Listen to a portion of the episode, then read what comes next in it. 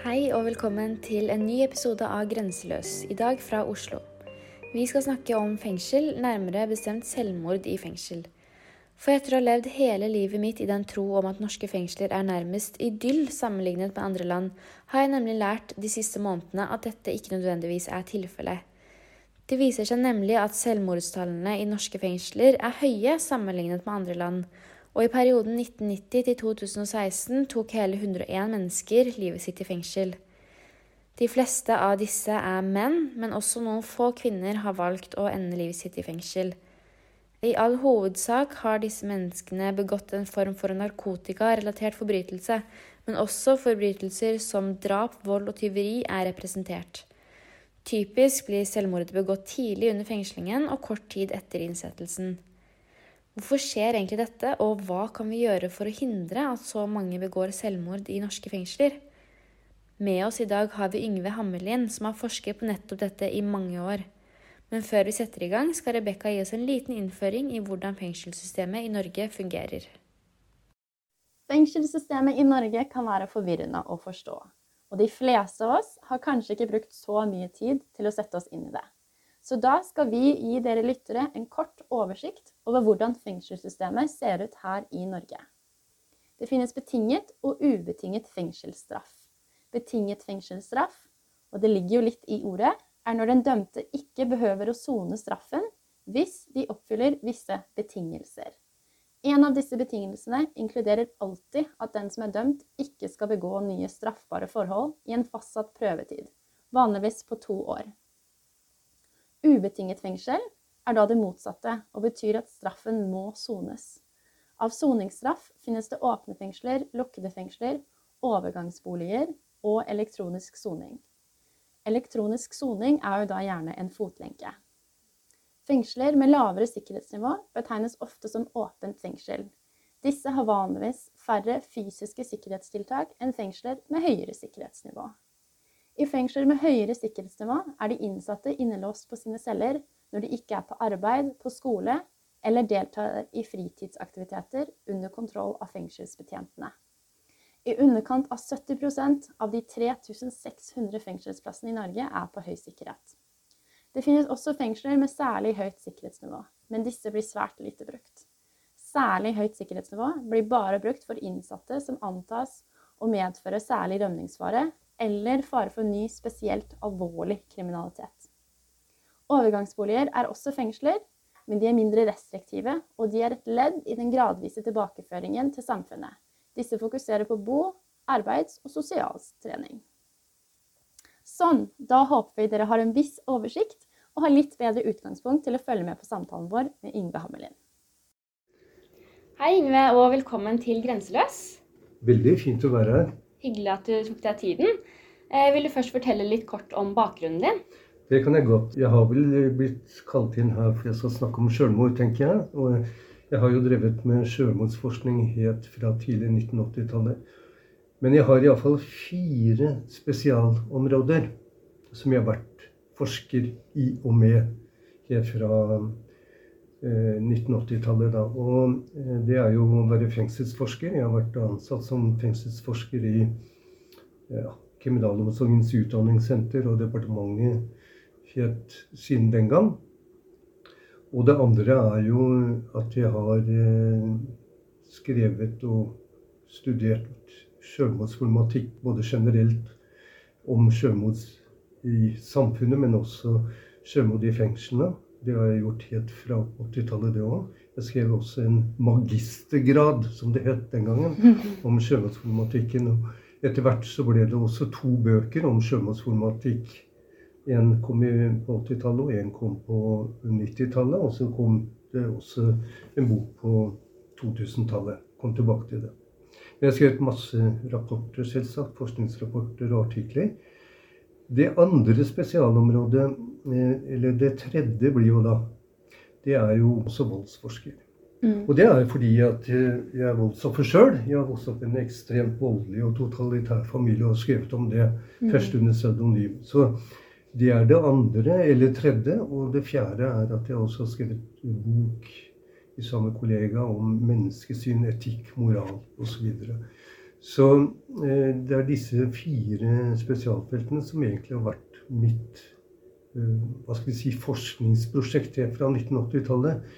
Og akkurat nå så sitter jeg og skriver på to ting. Jeg har skrevet så jævla mye om lidelse, så nå var det på tide å skrive om kjærlighet. og det andre, det var Og det gjør jeg sammen med Per Nygren, som er professor i psykologi. Og det andre er at jeg skriver faktisk på en roman om min egen eh, oppvekst. Mm, spennende. Veldig spennende. ja, det er sånn det er. Og, og, da skjønner dere også hvorfor jeg har blitt opptatt av veldig mye av selvmordsproblematikken. Jeg var jo også selvmordsnær som barn. Mm. Eller eh, ungdom, da. Nettopp pga. Eh, ja, sosiale forhold, rett og slett. Så der er vi. Men eh, jeg representerer da en forskergruppe eh, som selvsagt har slitt ganske mye fordi vi har vært eh, krevd autonomi i systemet. Og har vært veldig kritiske til mye av det som har skjedd innenfor fengselsvesenet. Mm. Fordelen med å være internforsker er at du opplever alle de motsetningene, de diskursene, som er i fengselssystemet. Og det gjør ikke en eksternforsker. Nei, nei. Og vi har lett tilgang på dokumenter og lett tilgang på praksisfeltet. Så det blir et helt annet virkelighetsbilde av fengsel, altså. Mm. Og det er vel det jeg har prøvd å vise fram også i den nye boka som jeg har kommet med, som heter 'Hard mot de harde og myk mot de myke', som kom i 2021. Mm. Det var jo det, litt det jeg skulle spørre om nå, hva som var motivasjonen din til å skrive akkurat den boka? Ja, det syns jeg er veldig fint at du spør meg om. Fordi eh, For det første så syns jeg folk kan for lite om fengsel. Og særlig folk som jobber i fengsel, kan for lite om fengsel. Men jeg syns også folk som har vært i fengsel i mange år, kan for lite om sitt eget system. Mm. Og det er et eller annet med ikke bare være opptatt av uh, altså what works-ideologien. Altså alt går så bra og er så fjongt og fint. Men det er faktisk også at fengsel produserer mye lidelse, altså. Mm. Og det er uh, disse to tinga uh, vi er nødt til å ha med oss. Så sånn sett, i moderne tid, så er det viktig å ha et blikkskifte nå. Vi har lidd altfor mye av sånn Erling Skakke-syndrom, hvor huet og kroppen har vært eh, vendt mot vest. ikke sant, Og særlig da amerikansk og engelsk eh, psykologisme. Og det syns jeg er et problem. Mm. Eh, så det som skjer på kontinentet, har vært også veldig viktig å få med i denne boka, og også trekke inn andre fagfelt. Absolutt. Så det er en kritisk analyse av den, den historiske ideologiske fortelling om ikke minst fangebehandlinga og fange og menneskesynet slik det utvikla seg i denne etaten helt fra 1950 og tidligere for den saks skyld. Og Man må ikke gå rundt og tro at disse moderne tenkemåtene er så mye mer progressive enn det man kunne se f.eks. i mellomkrigstida og i etterkrigstida. Utrolig mye progressivt som var tenkt også på disse tidspunktene.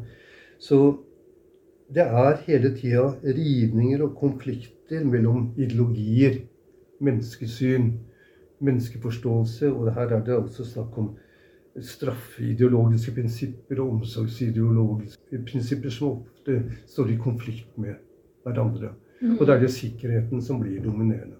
Ja. Og nå har man jo også disse økonomiske forholdene. Den borgerlige regjeringa innførte jo dette med avbyråkratisering og effektivisering. og det har ført til en reduksjon på praksisfeltet som har fått konsekvenser både for de som jobber der, og de som sitter i fengsel. Altså alvorlige konsekvenser. Mm. Så det er bakgrunnen for at jeg har skrevet denne boka. Det er å komme altså med en kritisk analyse. Trekke fram både det som har vært bra, og hvorfor har man ikke lært av det? Og, og brukt det. Jeg syns man er veldig ahistorisk. Altså uhistorisk i tilnærminga, rett og slett. Og det er et eller annet som er viktig å si, at å si, i nåtid så er fortid og framtid alltid innhylla, eller innbakt. Altså Man kan ikke tenke nåtid uten det som har skjedd tidligere, og det man tenker ting skal bli. Og det er der jeg syns det store problemet er. følge jeg har skrevet boka. Det er en bok til dere, f.eks.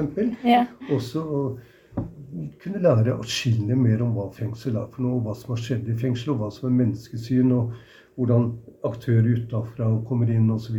Ja, for da har du kanskje gått litt inn på det allerede. fordi Marte og jeg har jo snakket litt om at vi føler jo at vi vokste opp litt med dette på en måte tanken om at det norske fengselssystemet er nesten idyllisk eh, sammenlignet med andre fengsler. Og vi vet at det er ganske mange som, som, tenker sånn. Og det er jo ikke før nå i det siste at Marte og jeg har forstått at det, det kanskje ikke er helt situasjonen likevel. Så hvorfor tror du det er sånn at det er så veldig mange nordmenn som vokser opp med den oppfatninga at Det er jo mange som sier at ja, norske fengsler det er sånn som å bo på hotell og eh, litt sånne ting. Ja, folk kan ikke en dritt om dette.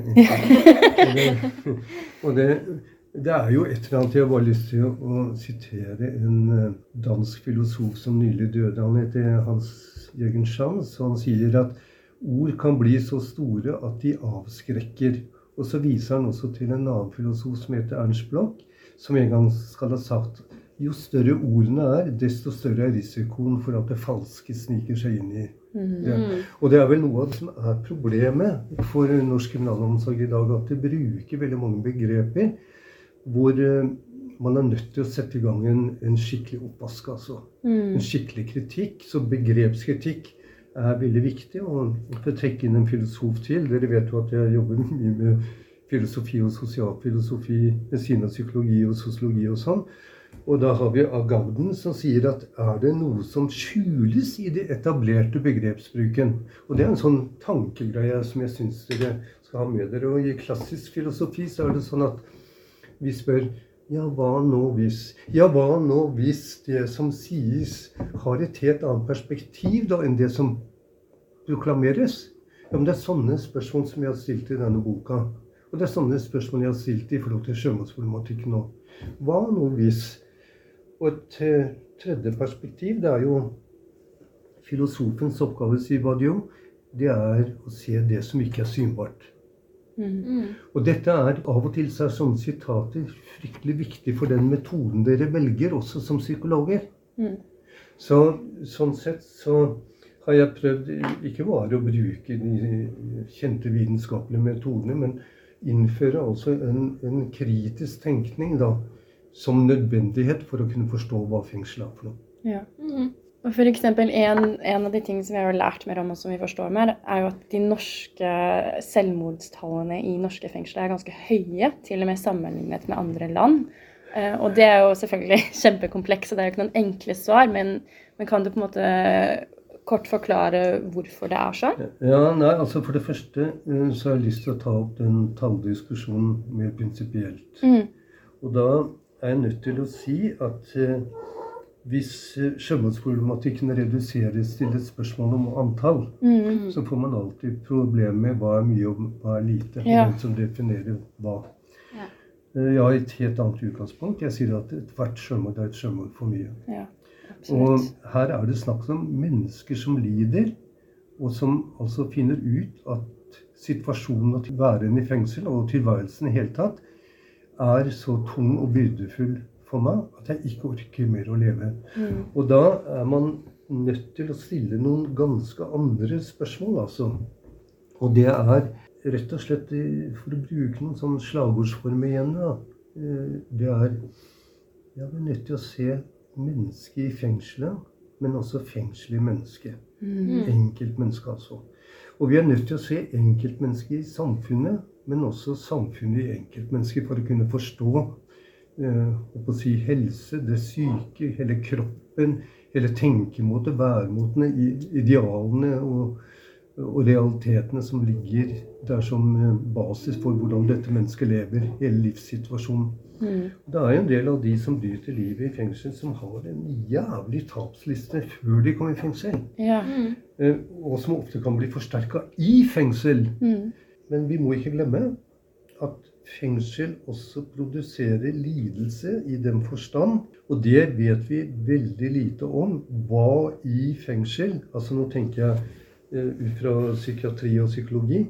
Eh, og disse diagnosene som brukes og alt mulig sånt. Men hva i fengsel som fører til at folk ikke orker mer. Mm. Jeg har jo da studert, altså sammen med kolleger, fengselsforhold som vi har avdekka som lidelsesproduserende. Mm.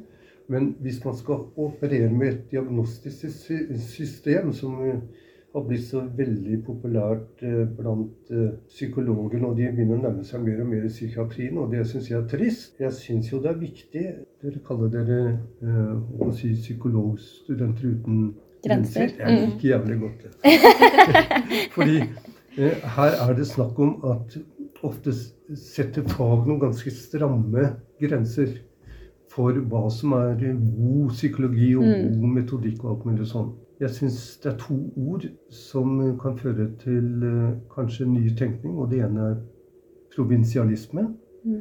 Og nå snakker vi om fagsprovinsialisme i den forstand at man er så opptatt av sitt eget fag at man stenger andre fag ute. Ja. Og i forhold til sjømannsproblematikk så er det fatalt, altså. Mm. Og det andre er uh, det vi kan kalle fagets megalomani, altså at man blir så opptatt av sitt eget fag at man tror at dette faget kan løse alt. Mm. Sånn er det ikke. Men dette syns jeg har vært et trekk ved eh, aktører som har kommet inn i fengselsvesenet. Mm. Og særlig de siste kanskje ja, fra 95, altså 1995 til nå. Jeg syns det er et trekk ved det. Så dette syns jeg er eh, veldig viktig, og da ble jeg veldig glad da jeg leste at psykologistudenter i København og ved instituttet der mm, har altså krevd pensumforandringer. Mm. Mm. Eh, at man må få mye mer av det samfunnsmessige inn, mye mer det sosiologiske inn. Og så sier de også det kulturhistoriske, altså innenfor psykologien, og også kritisk psykologi. Og etter hva jeg har skjønt, så har det vært ganske skarpe diskusjoner om det. Og det er på tide kommer. altså. For jeg syns det har vært altfor mye kognitivisme.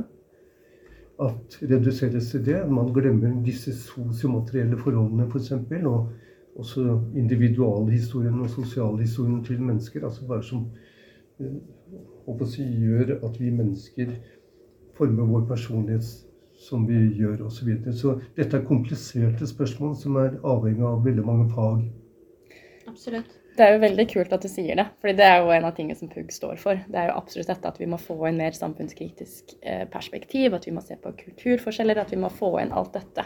Og det er jo også hvorfor vi ville snakke med nettopp deg om dette med selvmord i norske fengsler, for å få inn det, det blikket. Ja, det syns jeg er veldig bra. Men jeg syns jo det er et problem at fremdeles er det mellom 500 til 600 mennesker som bryter livet i Norge. Altså, ja. Og det betyr at jeg stiller spørsmålet er det noe gærent med metodene våre. Mm, mm. Og det er det jeg skrev bl.a. i den kritikken av den nye handlingsplanen ja. som dere eh, kanskje har lest. Mm.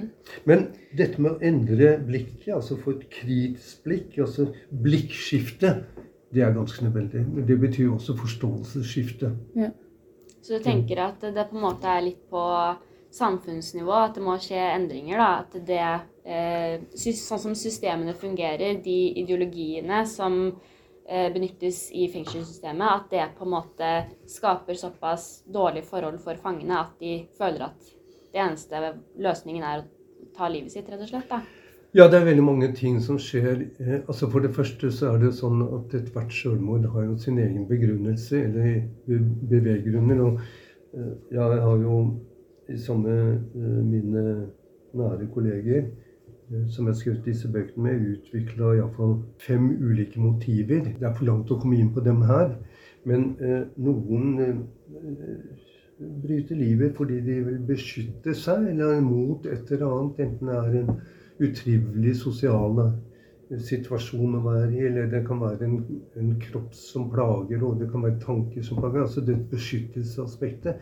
Noen gjør det av mer sånn oppofrelsesgrunner. Man vil ikke være til belastning. Det ser vi også mm. på noen av de sjømenn som har vært i fengsel. At de har begått så alvorlige forbrytelser at de vil ikke være til belastning og bryter livet av den grunn. Andre gjør det av å ha mer sånn pressperspektiv. ikke sant? At man føler seg så krenka og urettferdig behandla at det kan være en årsak. Altså det er veldig variert. Men hvis vi skal oppsummere dette, så er det jo mennesker som sliter både med livet utafor og livet bak murene. Og at det er tøft å sitte i fengsel, altså. Mm, det er mm. tøft å, å, å, si, bli berøvet friheten. For det, det, det, er ikke bare en sånn håper å si konstruksjon, abstraktskonstruksjon, det betyr noe helt konkret. Mm.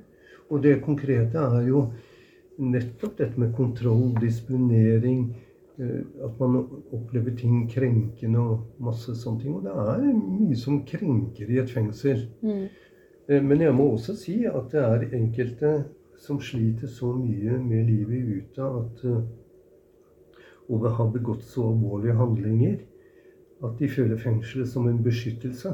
Mm. Men Ja. når de da slipper ut igjen, Mm. så opplever de samme stigma-problematikken. Ja.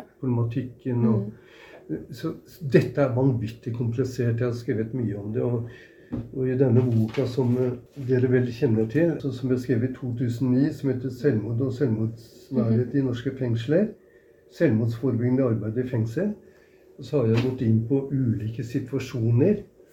Og ulike, altså hvordan man skal snakke med selvmordsnære i fengsel. Og da nytter det ikke å snakke om dette hvis man ikke forstår det, det vanskelige livet det er å være i fengsel. altså. Mm. Mange klarer eh, selvsagt fengselsoppholdet eh, ved å, å si, tilpasse seg og alt mulig sånt, men det er store forskjeller.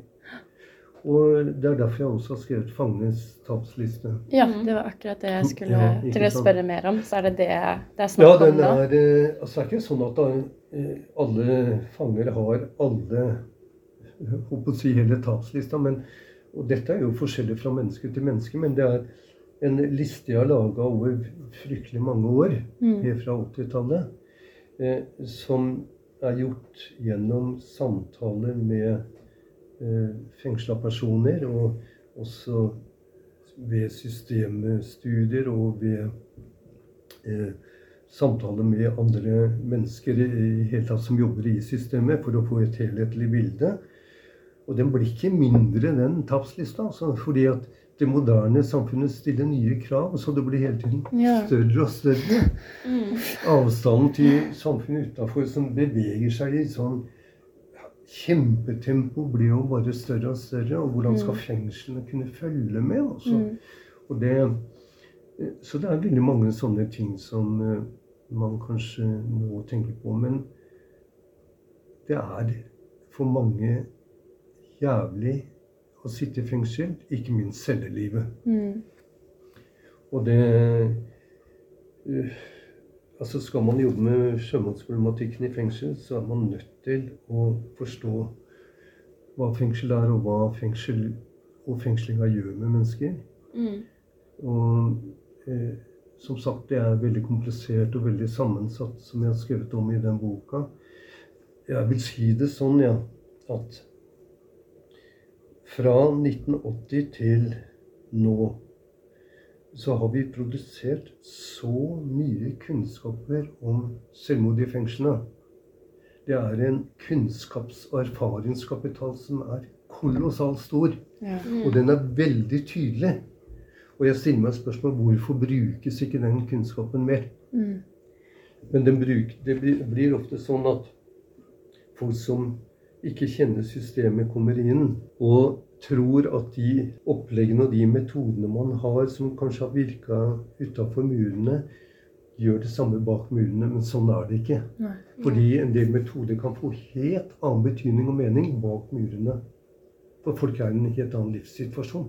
De er, har ikke frihet. Så her er det altså spørsmål om eh, ikke bare sjølmordsforståelse og det man har lært av sjølmord i samfunnet ellers, men det er i høyeste grad et spørsmål om hvordan man skal forstå sjølmordsproblematikken i et fengsel. Og sjølmordsproblematikken Altså når vi snakker om tall For det er mm. den talldiskusjonen vi snakka litt om i stad, så er det viktig å si at vi må se hele sjølmordsproblematikken. Og hva betyr det? Jo, det betyr at vi er nødt til å se på selvmordsforsøk, selvmordstanker, selvmordsselvskade eller sjølskadehandlinger osv. Altså som også er en del av dette problemet. Og når det gjelder sjølskader og håper si, sjølmordsnærhet i hele tatt, altså i form av tanker og, og ting som formidles, så har vi et alvorlig problem. altså. Og det er et problem som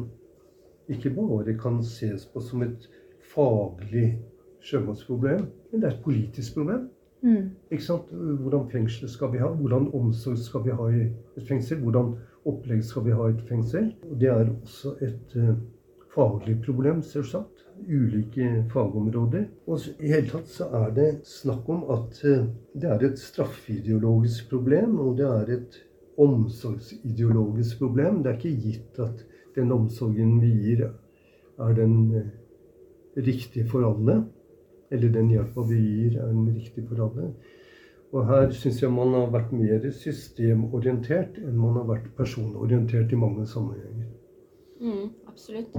Eh, så vi, når vi hører på deg nå, så er det jo åpenbart at dette er et ekstremt komplekst problem og ikke noen enkle løsninger. Men hvis du skulle tatt en på en måte oppsummering av hva slags tiltak Hvordan vi skal forebygge da, framtidig eh, selvmord i fengsler, Eh, hva ville du nevnt da? Ja, Det er flere ting. Altså for det første avhenger jo det av hvilket faglig perspektiv man har. Når det gjelder psykologien, så er det jo ulike skoleretninger i psykologien. Og de har jo også vidt forskjellig menneskesyn, altså. Det mm. kommer vi ikke bort fra.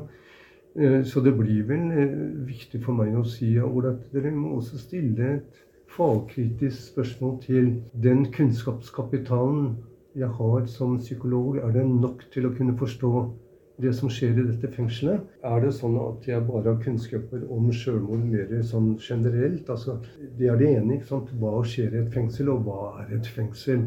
Og da må dere sette dere inn i det, altså. Mm. Det syns jeg er eh, veldig viktig å si. Og dere må tørre. Dere må ha kurasje. Kritisk kurasje. Både også til egen praksis og egen eh, fagkompetanse. For fagkompetansen utvikles hele tida da jeg kom rett fra eh, magisterstudiene Dere vet jeg har jo også tatt en doktorgrad i, i dette med fangebehandling, doktor Filos. Mm. Eh, men i alle fall så må man stille spørsmål om ja, hvilke ideologiske prinsipper, fagideologiske prinsipper, er styrende. altså.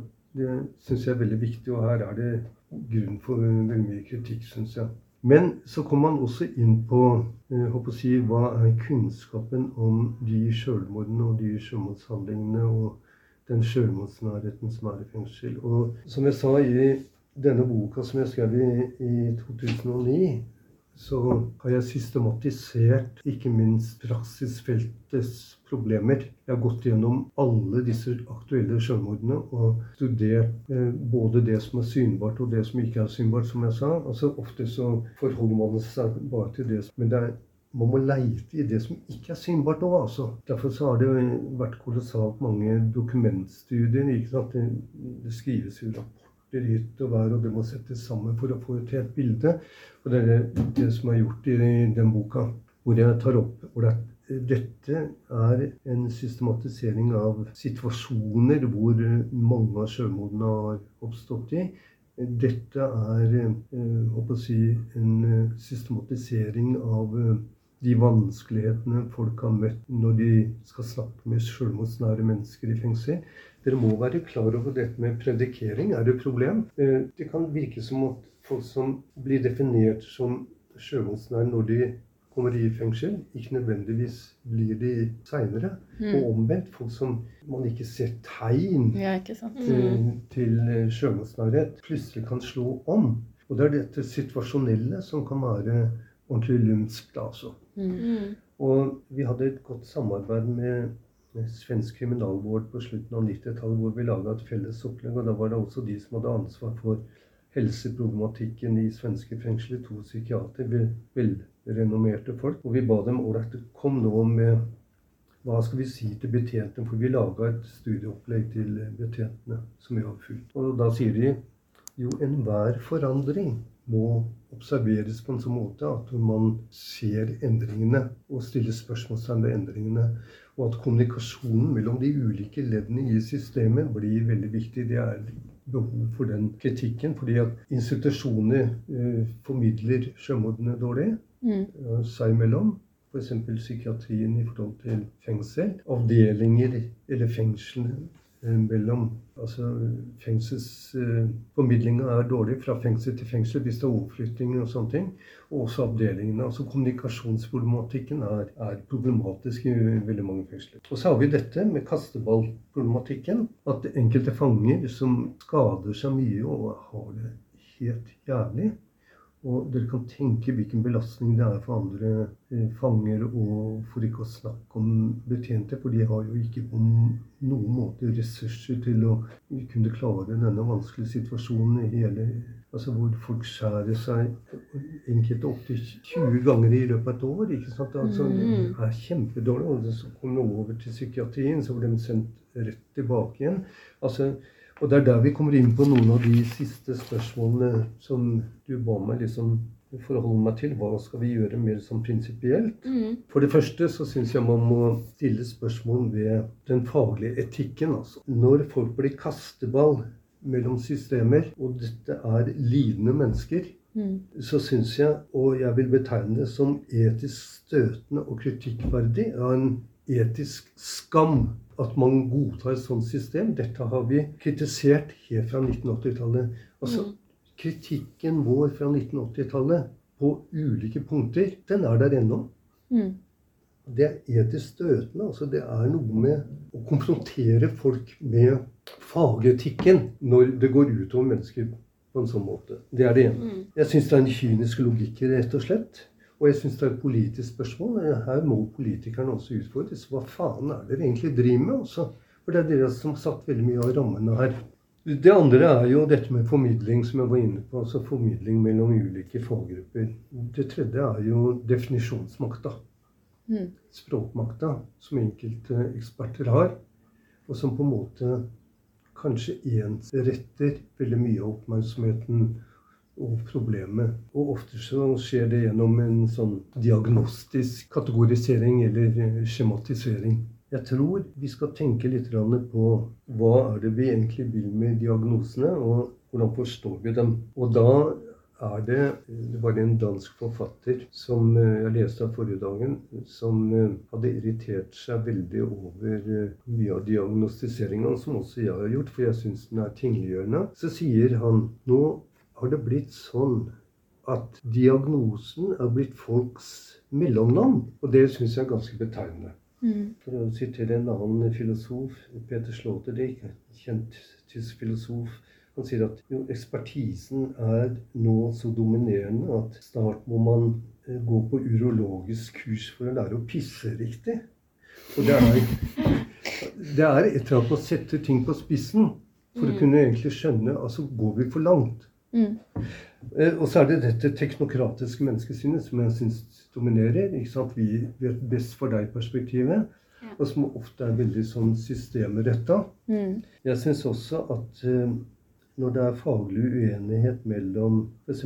helse i fengselet og psykiatrien, så er det et problem. Og det er et problem som jeg stiller meg da spørsmålet hva med fangenes rettigheter? Mm. Mm. Hva med rettssikkerheten?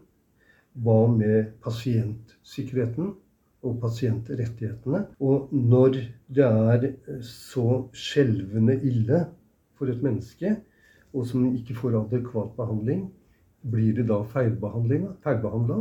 Og det å ikke bli behandla er også en form for feilbehandling, etter min oppfatning. Mm. Og hvem har ansvar for det når det går da fatalt, eller blir fatalt og gærent? Så dette med har fangene tilgang til pasientombud? Altså mange sånne grunnleggende tekniske spørsmål. Informasjon og kommunikasjonsrutiner må se på. Og selvsagt så er det farlig når politikere begynner å skjære ned budsjettene mm. som skal gå til praksisfeltet. Mm. For de er nødvendige. Og det er jo ikke bare snakk om hva som skjer i fengselet. Snakk om dere som eh, andre, altså helseaktører òg. For det blir jo innskrenkninger og nedskjæringer der òg. Så systemet totalt sett eh, blir svekka. Og vi var inne på dette med predikering også. Men først og fremst er det å se mennesker i fengsel. Enkeltmennesker i fengsel. Og forholde seg til dette menneskets situasjon og behov. Og gå inn med en, hva skal vi si, en hjelpe- og omsorgsmetode og nærhet som, hvor dette mennesket blir personlighetsgjort. Mm. Subjektgjort. Og sett på som et, et menneske som har eh, rettigheter til sitt eget liv. Mm. og, men som trenger masse hjelp. Og Det betyr også at vi er nødt til å se på vårt-ideologien, om den har vært bra nok, men også, som jeg sa, mot uh, hørsproblematikken. Vil du bare forklare litt mer what works versus what hurts? Forklare det litt mer for de som Ja, ikke er kjent med det. what- What works, ikke sant? Det er at man og det er jo nettopp det du spurte meg om. altså Hvorfor har vi fått en sånn framstilling av eh, systemet som nærmest eh, folk oppfatter som et hotell? Ja, For det første har jeg lyst til å si at vi har gjort veldig mye bra i, i systemet. Mm. Men så er veldig mye av det som har vært bra, som er fjerna òg. Mm. Og det er ille. Så, sånn sett så syns jeg det har vært en viss progressiv utvikling i visse perioder. Mm. Som på slutten av 1970-tallet særlig, og da de rød-grønne hadde regjeringsmakt under eh, Storberget.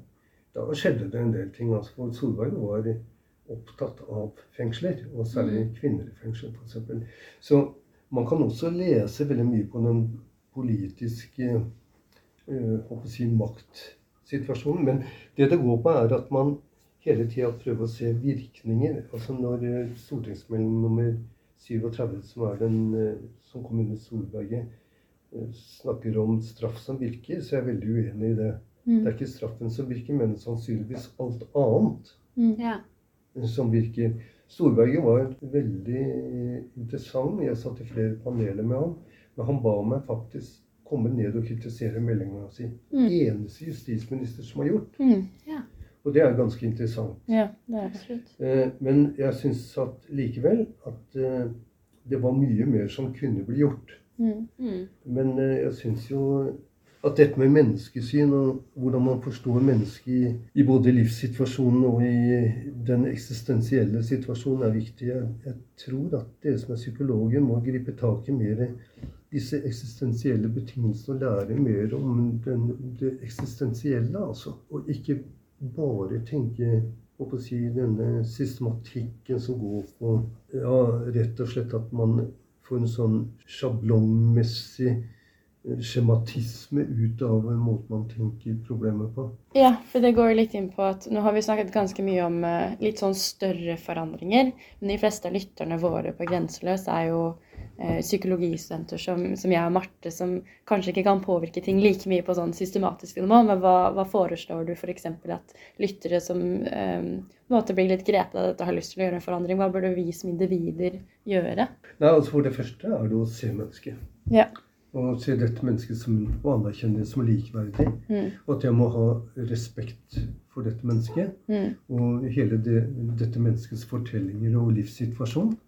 Men det som er viktig, det er rett og slett Og det er det ene det er det, ja, At man viser ydmykhet også for et menneske som Mm. er eh, i nød og sliter med livet sitt. Det må vises ydmykhet i forhold til det, og forståelse i forhold til det. Og ikke tro at man har svar på alt, men at man har denne nødvendige omsorgen. Og, og så at man forstår at denne omsorgen skal være frigjørende. Mm. Så sier eh, veldig mange fanger til meg at ja, jeg kan ikke snakke om sorgen min til psykologen, skjønner du. Det må jeg snakke med presten om. Mm. Mm. Og de føler faktisk presten eh, som en person de kan snakke lettere med enn psykologen. Og det syns jeg dere skal merke dere litt. Mm. Hvorfor er det sånn? Ja. Og det er vel også fordi at psykologer i norsk fengselsvesen har ulike funksjoner. Ikke sant? De er jo også en del av eh, sanksjonssystemet. Mm. Ja. Eh, bare litt raskt, nå vet jeg at vi begynner å nærme oss slutten her. Mm. Eh, Men jeg blir litt eh, nysgjerrig på det med at du sier jo at vi har veldig mye kunnskap, vi har mye forskning, men den blir ikke brukt. Nei. Hvorfor blir den ikke brukt? Det er jo et sånn hva skal vi si, et, en, et polemisk støt da, når jeg sier at det ikke blir brukt. fordi der det brukes for lite, er de som administrerer fengselssystemet. Ok. Ikke sant? Altså Ledelsen i fengselssystemer er, syns jeg, ikke godt nok uh, Har ikke gode nok kunnskaper om uh, hva man, vi har funnet fram til. Mm. Eh, det er enkelte som har det, men jeg syns det er et generelt trekk. Mm. Og det gjelder vel også en del av fengselsledelsen. Men det gjelder uten tvil også politikere. Jeg syns ikke det, denne kunnskapen blir brukt godt nok, for å oppsummere, av eh, de som forvalter og administrerer dette repressive systemet som fengsel faktisk er. Ja. Mm. Skjønner. Ja, ja. veldig, veldig spennende. Tusen takk. Er det, noen, er det noen siste ting du vil avslutte med? Ja, det er det i grunnen. Fordi at mennesket er noe mer enn sine voldelige handlinger. Det syns jeg er ganske viktig. Og en egen greie, egen erfaring. Når jeg også var sjølmordsnær som ungt menneske, det var tøft, altså. Det er Når jeg i ettertid ser tilbake, så eh, kan jeg iallfall si følgende Det eneste vi vet om livet, det er at det forandrer seg hele tida. Mm. Og det står i motsetning til at ofte når man vil bryte livet Jeg bruker ikke så mye sjølmord. ikke sant? Jeg prøver å innføre en helt Ja. annen begrep, nemlig å bryte livet. Mm. Avslutte livet eller bryte livet. Og det, eh, når man bryter livet og kommer i en sånn situasjon, så blir man pressa inn i et sånn forstørrelsesglass inn på livet. Altså Forstørrelsesglass sånn er jo at det forstørrer noe. Mm. Og så alt det utafor blir bare hva skal vi si, noe vassent og ullent. Mm. Man ser ikke det. Og så blir man bare stillende på problemet. Men sånn er det med fagfolk òg. Kanskje har man for mye forstørrelsesglass på enkelte problemer. Slik at man ikke ser helheten. Og det er vel noe av det som eh, jeg syns har eh, vært et lærestykke. Det er å se det indre forhold mellom det unike mennesket som hvert menneske er, og de samfunnsmessige, sosiale, sosiomaterielle, ideologiske, verdimessige kravene og rammene som dette mennesket lever innafor. Man er jo produkt av de samfunnsmessige og kulturelle betingelsene. Vi kommer ikke bort fra det. Nei. Men det er jo også sånn at vi har personlig forhold til omverdenen også. Mm. Og det er basert på selvsagt erfaringer og tillit og ja, Jeg kan bare ramse opp. Nei, tusen, tusen hjertelig takk. Det har vært utrolig spennende å høre. Og vi eh, syns jo selv at dette er et kjempeviktig tema som ikke så mange er klar over. Og vi er veldig glad for at du kom hit og ville dele med på en måte ditt overflod av kunnskap. Så tusen takk.